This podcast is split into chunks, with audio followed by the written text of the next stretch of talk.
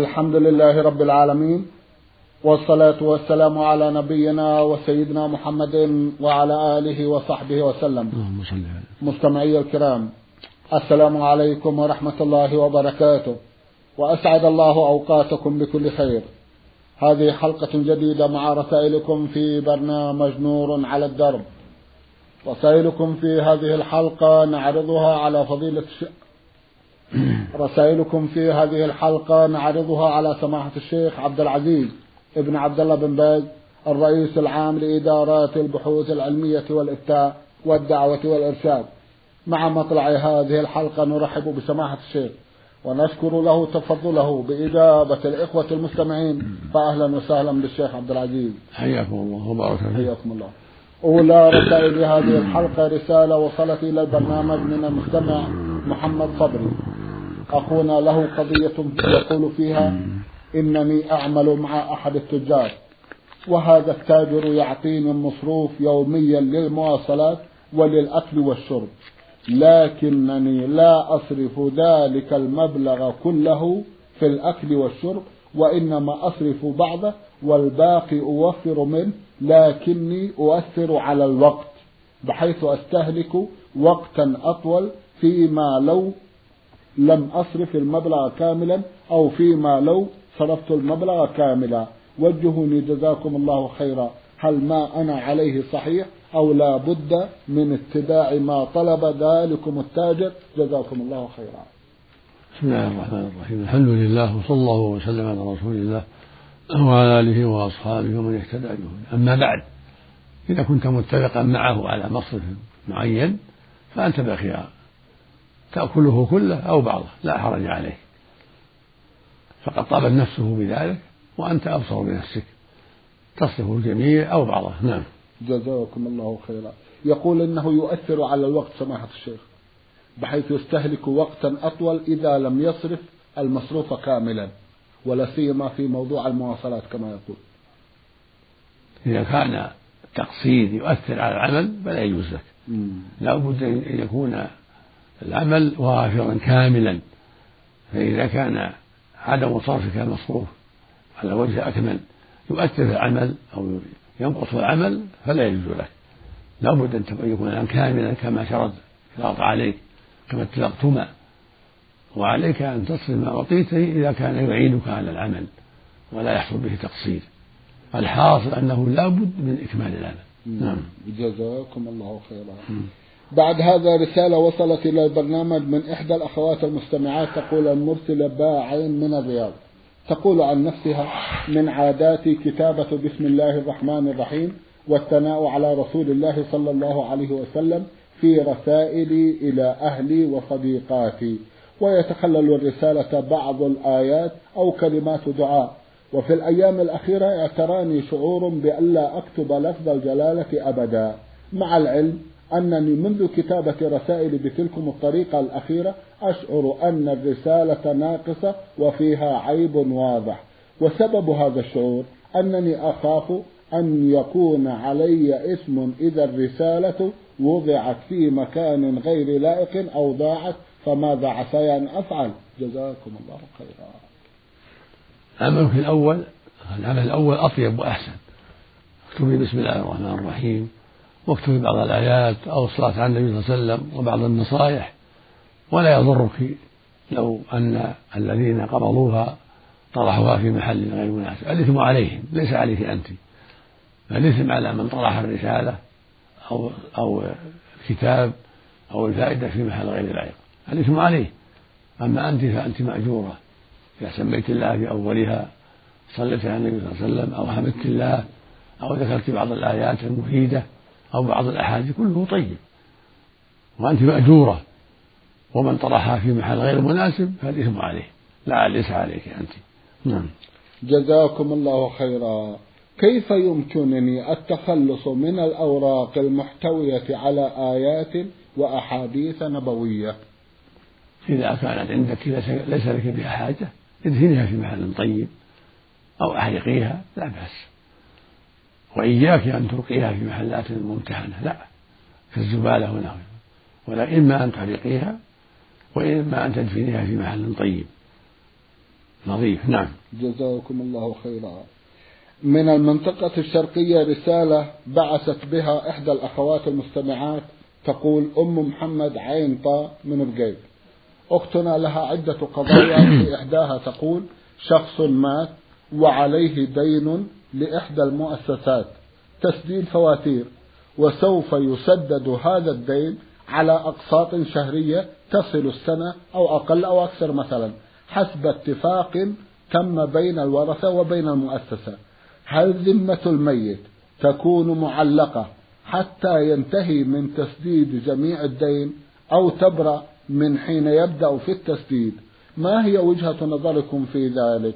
وما الحل الذي ترونه مناسبا حتى تبرأ ذمة الميت؟ علما بأن هذه المبالغ تراكمت لدى المؤسسة لأنه كان في تلك الفترة مريضا بالمستشفى. وجهونا جزاكم الله خيرا. إذا كان الدين حالا وفي التركة ساعة للقضاء وجب القضاء. وجبت المبادرة بقضاء الديون كلها من دون تأخير. أما إذا كانت الديون مؤجلة تبقى على آجالها ولا حرج على الميت في ذلك. أو كان أو كانت التركة عاجزة ليس فيها ما يوفي الديون وإنما الموفون الورثة فلا بأس أن يؤجلوا وهم محسنون. لكن إذا كانت التركة فيها سعة فالواجب أن توفى الديون بسرعة. لقوله صلى الله عليه وسلم نفس معلقة بالدين حتى يقضى عنه. فالواجب بدار بقضاء الديون من التركة وعدم التأجيل وعدم التأخير. إلا إذا كانت الديون مؤجلة فهي تبقى على آجالها. إلا أن يسمح الورثة بتأجيلها. وهكذا كان الدين المكن العقاري يبقى مؤجل على حاله على أقساطه لكن إذا كان الميت ليس خلفه شيء فإن الورثة محسنون فإذا عجلوا القضاء أو أجلوا فلا حرج عليه. هم محسنون بكل حال. نعم. جزاكم الله خيرا وأحسن إليكم. هل تجوز قراءة القرآن وكذلك صيام يوم عرفة ويوم عاشوراء وتثويبها للميت وجهونا جزاكم الله خيرا. لا لا يصام عن الميت تطوع ولا يقرأ عنه ما ورد. السنة ما يدل على هذا ليس في السنة ما يدل على تثويب القرآن أو الصيام أو الصلوات فيما نعلم. أما إذا كان عليه دين صيام يقضى عنه لقوله صلى الله عليه وسلم من أتى عليه الصيام صام عنه وليه. أو الصلاة عنه أو أو القراءة عنه هذا غير مشروع فيما نعلم. وإنما يشرع الصدقة عنه الدعاء له الحج عنه العمرة. هذا هو المشروع. قضاء دينه. إذا كان عليه الصيام فهو دين يقضى عنه أيضا. نعم. جزاكم الله خيرا وأحسن إليكم. هل يجوز تأجير مطعم بكامل معداته وأدواته وعماله على شخص مستأجر على أن يدفع المستأجر مبلغا معينا ثابتا شهريا للمؤجر سواء ربح المطعم أو خسر؟ مع العلم أن المستأجر يأخذ راتبا شهريا من المؤجر وأيضا المتبقي الصافي بعد خصم المبلغ المخصص للمؤجر سواء كان قليلا أو كثيرا نعم. هل يجوز تأجير مطعم بكامل معداته وأدواته وعماله على شخص مستأجر على أن يدفع المستأجر مبلغا معينا ثابتا شهريا للمؤجر سواء ربح المطعم أو خسر مع العلم أن المستأجر يأخذ راتبا شهريا من المؤجر وأيضا المتبقي الصافي بعد خصم المبلغ المخصص للمؤجر سواء كان قليلا أو كثيرا. التأجير على تأجير المطعم الأدوات اللي فيه تأجيرها على زيد أو عمرو لا بأس إذا كان بأجر معلوم لمدة معلومة وهو يستعمل هذه الأشياء التي في المطعم من كراسي ومن فرش ومن أدوات ومن أواني يستعملها في إطعام الناس وفي صنع الطعام الولائم لهم لا بأس بذلك. لكن كونه أجيرا لصاحب المطعم أي وجه لهذا؟ ما دام المطعم ولا استأجره كيف يكون أجيرا له وهو اللي هو استأجر المطعم؟ كيف يصير هذا؟ كونه مستأجر المطعم يتصرف فيه ويؤجر أن يطعم الناس ويأخذ الأجرة من الناس. فعلى أي وجه يأخذ أجرته وهو المطعم وهو صاحب المطعم هو الذي اشترى استأجر المطعم وصار يطعم الناس ويأخذ منهم قيمة الطعام والشراب.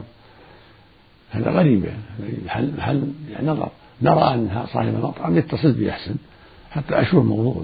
يتصل به نعم. مشافهة طيب. حتى يدرس الموضوع معه لأن سؤال فيه غرابة. نعم. جزاكم الله خيرا. مم. أخيرا تسأل سماحتكم عن حكم طواف الوداع في العمرة. ليس بواجب. الحمد لله. الوداع واجب الحج. طواف الوداع واجب الحج. أما في العمرة فليس بواجب. لكن إن ودع فحسن. إذا أقام مدة أقام بعد العمرة وقتا طويلا ثم ودع هذا حسن. لكن ليس هناك دليل واضح على وجوب الوداع في العمرة إنما هو في الحج قال صلى الله عليه وسلم أمر الناس أن يكون آخر عهدهم بالبيت هذا في الحج أمر به الناس يعني الحجاج. قد ينصرفوا من منى من كل وجه فقال له صلى الله عليه وسلم لا ينفر أحد منكم حتى يكون آخر عهد البيت يعني النفير من منى يوم الثاني عشر والثالث عشر. يكون النفير من منى أو من مكة يكون بعد الوداع. أما العمرة فلم يأمر العمار أن يودعوا. قال يعتبروا مع النبي صلى الله عليه وسلم في حجة الوداع ولم يقل لهم لما فرغوا لا ينفع أحد منكم حتى يودع. وكانوا يذهبون بالإبل الأماكن البعيدة يرعونها ولم يؤمروا بالوداع. نعم. جزاكم الله خيرا وأحسن إليكم. بعد هذا رسالة وصلت إلى البرنامج من جمهورية مصر العربية باعثها المستمع أحمد منصور. الأخ أحمد بدأ رسالته كالتالي بسم الله الرحمن الرحيم. سماحة الشيخ عبد العزيز بن عبد الله بن باز حفظه الله ورعاه.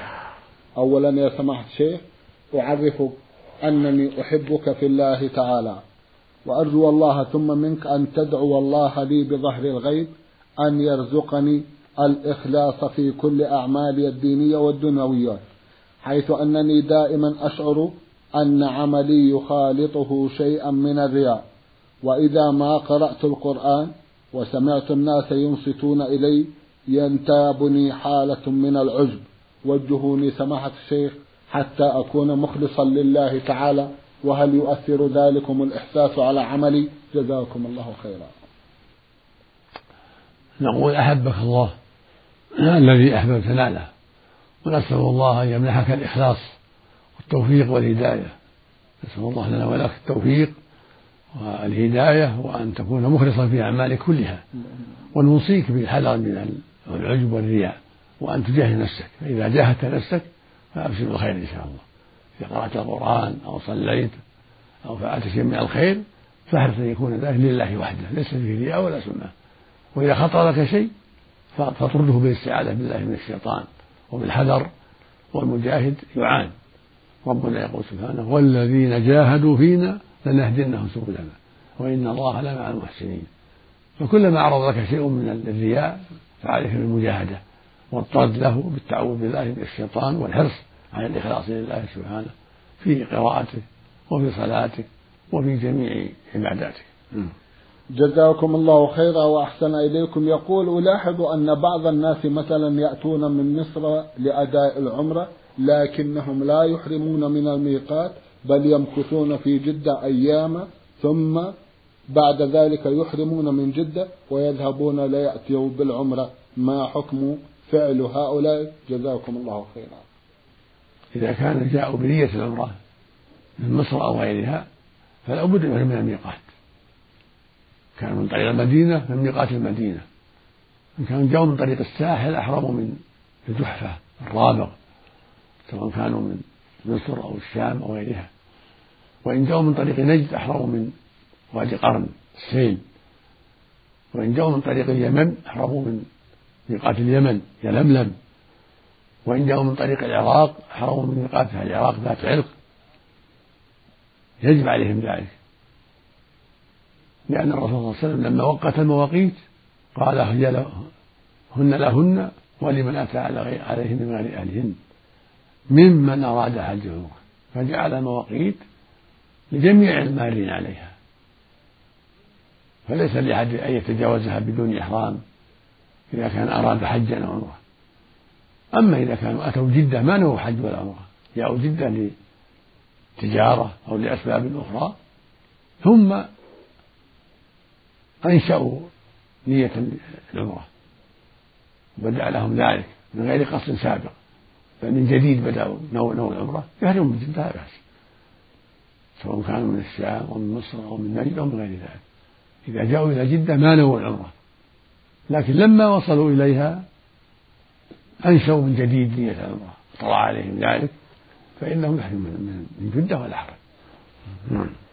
جزاكم الله خيرا وأحسن إليكم. بعد هذا رسالة وصلت إلى البرنامج من المملكة الغربية محافظة ورزازات باعث الرسالة المستمع مصطفى ابن محمد ابن إبراهيم.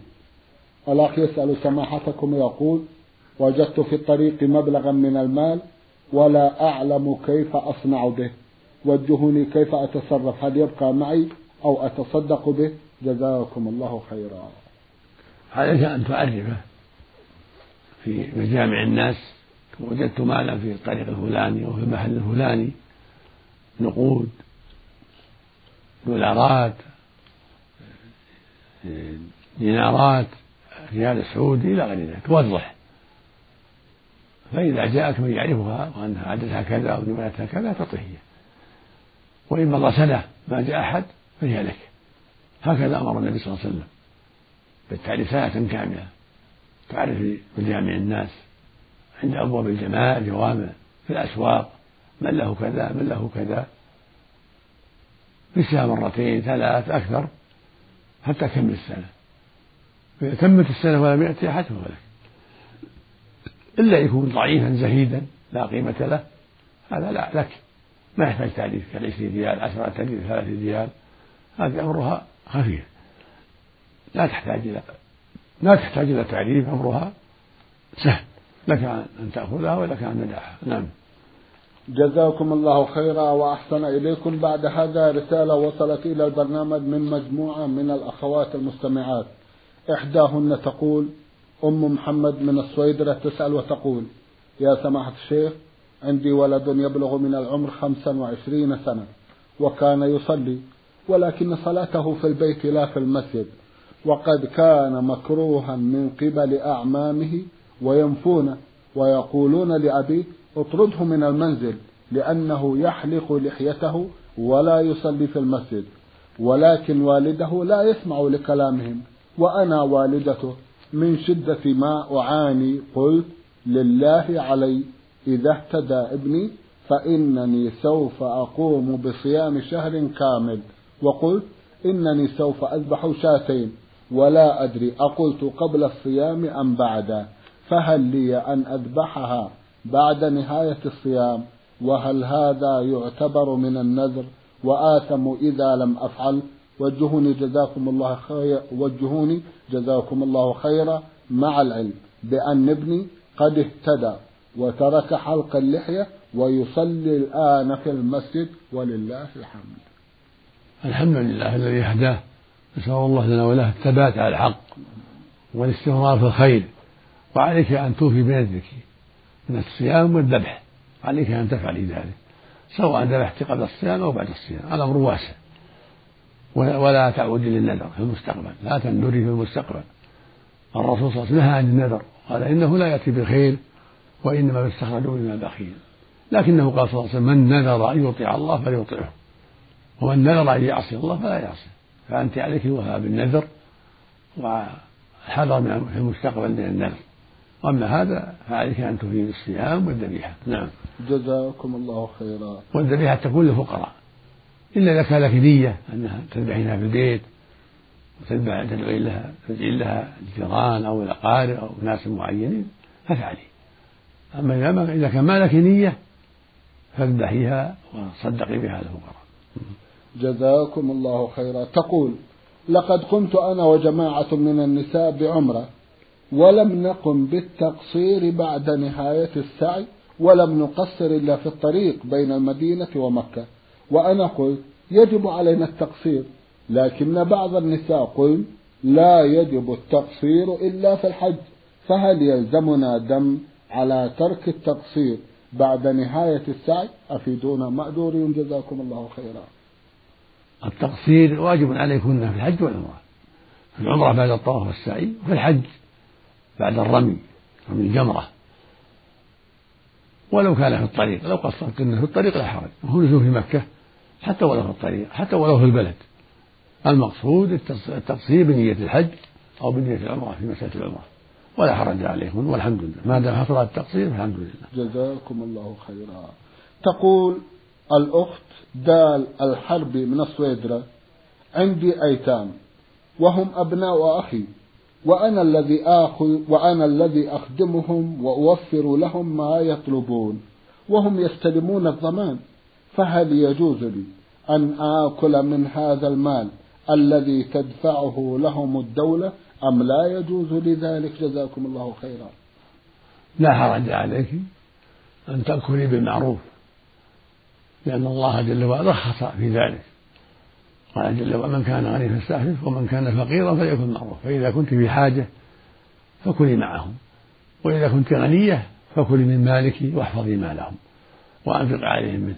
وأما إن كنت محتاجة فكلي معهم والحمد لله. نعم. جزاكم الله خيرا وأحسن إليكم المستمع ياسين الحربي من الصويدرة أيضا يقول سماحة الشيخ كنت طالبا في الصف الثاني المتوسط.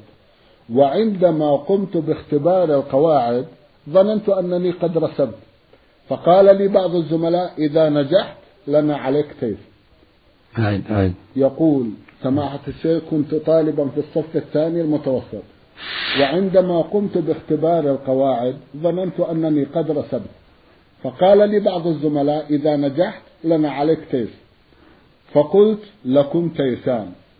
وبعد نهاية الاختبار ظهرت النتيجة كنت ولله الحمد من الناجحين. فلما عزمت على الذبح مرت بي عدة ظروف. أولها عندما رجعت لكي أوفي بوعدي وجدت أحد جماعتي متوفى ولكن الناس في حزنهم ولكون الناس في حزنهم لم أذبحها وقلت أذبحها في المرة القادمة. فرجعت إلى عملي فلما عزمت على الذهاب إلى أهلي لأقوم بذبحها صار علي حادث وتوفي القبيل. فتوقفت مدة سنة فتوقفت لمدة ستة أشهر ولم أقم بذبحها حتى الآن. فهل علي إثم في التأخير؟ وجهوني. جزاكم الله خيرا. المشروع لك الوفاء بما وعدت. ليس بنذر. ما قلت لله علي ولا نذر لله. قلت لكم كيسان. هذا وعد منك. والسنة الوفاء بالوعد. الرسول صلى الله عليه وسلم ذم المنافقين بإخلاف الوعد. قال عنهم أن المنافق إذا وعد أخلف فلا يليق بك أن تشابه المنافقين بل توفي بالوعد وتذبح التيسير وتدعو الزملاء اللي قالوا لك وهذا هو الأفضل لك وهو الأحوط. يسر الله أمرك. اللهم آمين. جزاكم الله خيرا. رسالة بعث بها المستمع بشير حسن عبد الله السوداني مقيم بالأسياح بقرية خصيبة فيما يبدو. الأخ يقول إذا أردت الاستعاذة والبسملة في الصلاة فهل أجهر أم تكون سرا؟ جزاكم الله خيرا. السنة سرا. الإمام والمنفرد والمأموم يأتي بالاستعاذة والتسمية سرا هذا هو الأفضل. نعم. جزاكم الله خيرا. سؤال كبير ليته كان في أول الحلقة يقول صاحبه ما هو مدلول لا إله إلا الله وما هي شروطها وما هو معناها؟ وصاحب هذا السؤال هو محمد مفتاح بشير من ليبيا. لا إله إلا الله هي أفضل الكلام بعد القرآن هي أحب الكلام إلى الله وأفضل الكلام وهي كلمة الإخلاص. وهي أول شيء دعا دعت إليه الرسل عليهم الصلاة والسلام. وأول شيء دعا إليه النبي صلى الله عليه وسلم أن قال لقوم قولوا لا إله إلا الله تفلحوا. هي كلمة الإخلاص كلمة التوحيد. ومعناها لا معبود حق إلا الله. هذا معناها. كما قال تعالى ذلك بأن الله هو الحق وأن ما يدعون من دونه هو الباطل. وهي نفي وإثبات. لا إله نفي وإلا الله إثبات فإله تنفي جميع المعبودات وجميع الآلهة بغير حق. وإلا الله تثبت العبادة بالحق لله وحده سبحانه وتعالى. فهي أصل الدين وأساس الملة والواجب على جميع المكلفين من جن وإنس أن يأتوا بها رجالا ونساء. مع إيمان بمعناها واعتقاد الله وإخلاص العبادة لله وحده. وشروطها ثمانية. جمعها بعضهم في بيتين. فقال علم يقين وإخلاص وصدق مع محبة وانقياد والقبول لها. وزيد ثامنها الكفران منك بما سوى الإله من الأشياء قد أليها. فالذي يعلم هذه الأمور فالحمد لله. وإلا يكفي معناها وإن لم يعلم هذه الشروط. إذا أتى بمعناها فعبد الله بالحق خاص له العبادة وترك عبادة ما سواه واستقام على دين الله كفى وإن لم يعرف الشروط. والشروط معناها واضح. علم يعني أن تعرف معناها وأن معناها لا معبود حق إلا الله. يقين وأن تكون موقنا بذلك. وهو مع شك يقين أنه لا معبود بحق إلا الله. وإخلاص لا بد من إخلاص العبادة لله وحده. صلاته صومه صدقات كلها لله وحده. مع محبة لا بد محبتك لله. تحب الله محبة صادقة. تحب رسوله صلى الله عليه وسلم لا بد من محبة الله جل وعلا. وهكذا الصدق لا بد تكون صادقا صادقا في ذلك. بخلاف المنافقين يكذبون. أما أن تقولها صادقا أنه لا معبود حق إلا الله. وانقياد تنقاد لما دلت عليه من إخلاص العبادة لله وحده وترك عبادة ما سواه وأداء الشرائع التي شرعها الله لك من الأوامر وترك النواهي عن محبة وانقياد. هكذا القبول تقبل ما جاء في الشرع ولا ترده تقبل ما دلت عليه من العبادة والتوحيد والإخلاص ولا ترده. ولا بد الكفران بما يعبد من دون الله. كما قال سبحانه فمن يكفر بالطاغوت ويؤمن بالله فقد استمسك بالعروة الأخرى. لا انفصام لها والله سميع عليم. والمعنى أنك تبرأ من الله تبرأ منها. تعتقد بطلانها. تؤمن بأن الله المعبود بالحق وأن ما عبده الناس من دون الله باطل وتكفر به وتبرأ منه. هذا معنى الشروط الثمانية علم يقين وإخلاص وصدقك مع محبة وانقياد وقبول لها وزيد ثامنها الكفران منك بما سوى الإله من الأشياء قد ألها. فإذا عرفها طالب العلم طبقها والذي لا يعرفها يكفيه المعنى. إذا أتى بهذه الكلمة عن إيمان وإخلاص لله ويقين وصدق في ذلك وتبرأ من عبادة غير الله وانقاد للشرع فقد أتى بالمقصود مع محبة الله سبحانه ومحبة دينه. جزاكم الله خيرا وأحسن إليكم سماحة الشيخ في ختام هذا اللقاء. أتوجه لكم بالشكر الجزيل بعد شكر الله سبحانه وتعالى على تفضلكم بإجابة الإخوة المستمعين. وآمل أن يتجدد اللقاء وأنتم على خير. نسأل الله ذلك مستمعي الكرام كان لقاؤنا في هذه الحلقة مع سماحة الشيخ عبد العزيز ابن عبد الله بن باز الرئيس العام لإدارات البحوث العلمية والإفتاء. والدعوة والإرشاد. شكرا لسماحة الشيخ. وأنتم يا مستمعي الكرام شكرا لحسن متابعتكم. وإلى الملتقى. وسلام الله عليكم ورحمته وبركاته.